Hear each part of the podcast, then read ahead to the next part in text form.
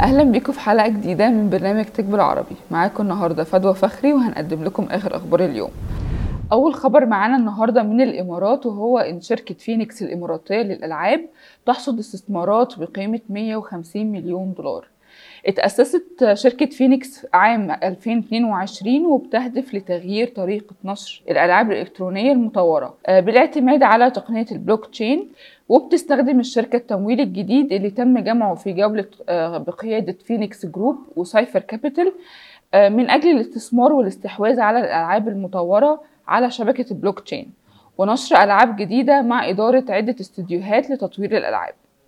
أما بالنسبة للخبر التاني معانا النهارده وهو إن ديسربت أبو ظبي بتستثمر في شركة تكنولوجيا العقارات اليونانية بلو جراوند ضخت شركة أبو ظبي القابضة الإماراتية استثمارات في شركة بلو جراوند وهي شركة يونانية ناشئة تعمل في إيجارات الشقق المفروشة قصيرة الأجل.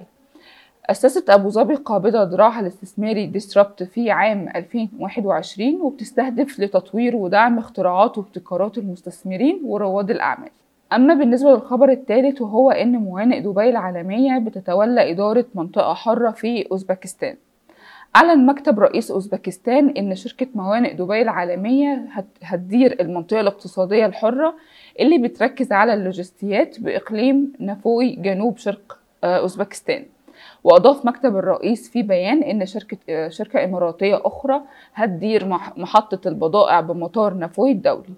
وهتدير موانئ دبي العالمية المنطقة الحرة في كازاخستان المجاورة واللي تم إنشائها بمركز للسكك الحديدية على الحدود الأخيرة مع الصين.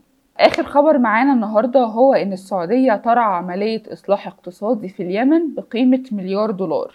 وقع صندوق النقد العربي اتفاقية بقيمة مليار دولار مع حكومة اليمن لدعم اقتصاد الدولة وتم توقيع الاتفاقية دي في الرياض.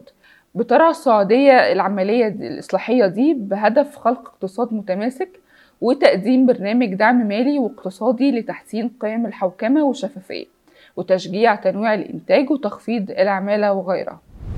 وبكده نكون وصلنا لآخر حلقتنا.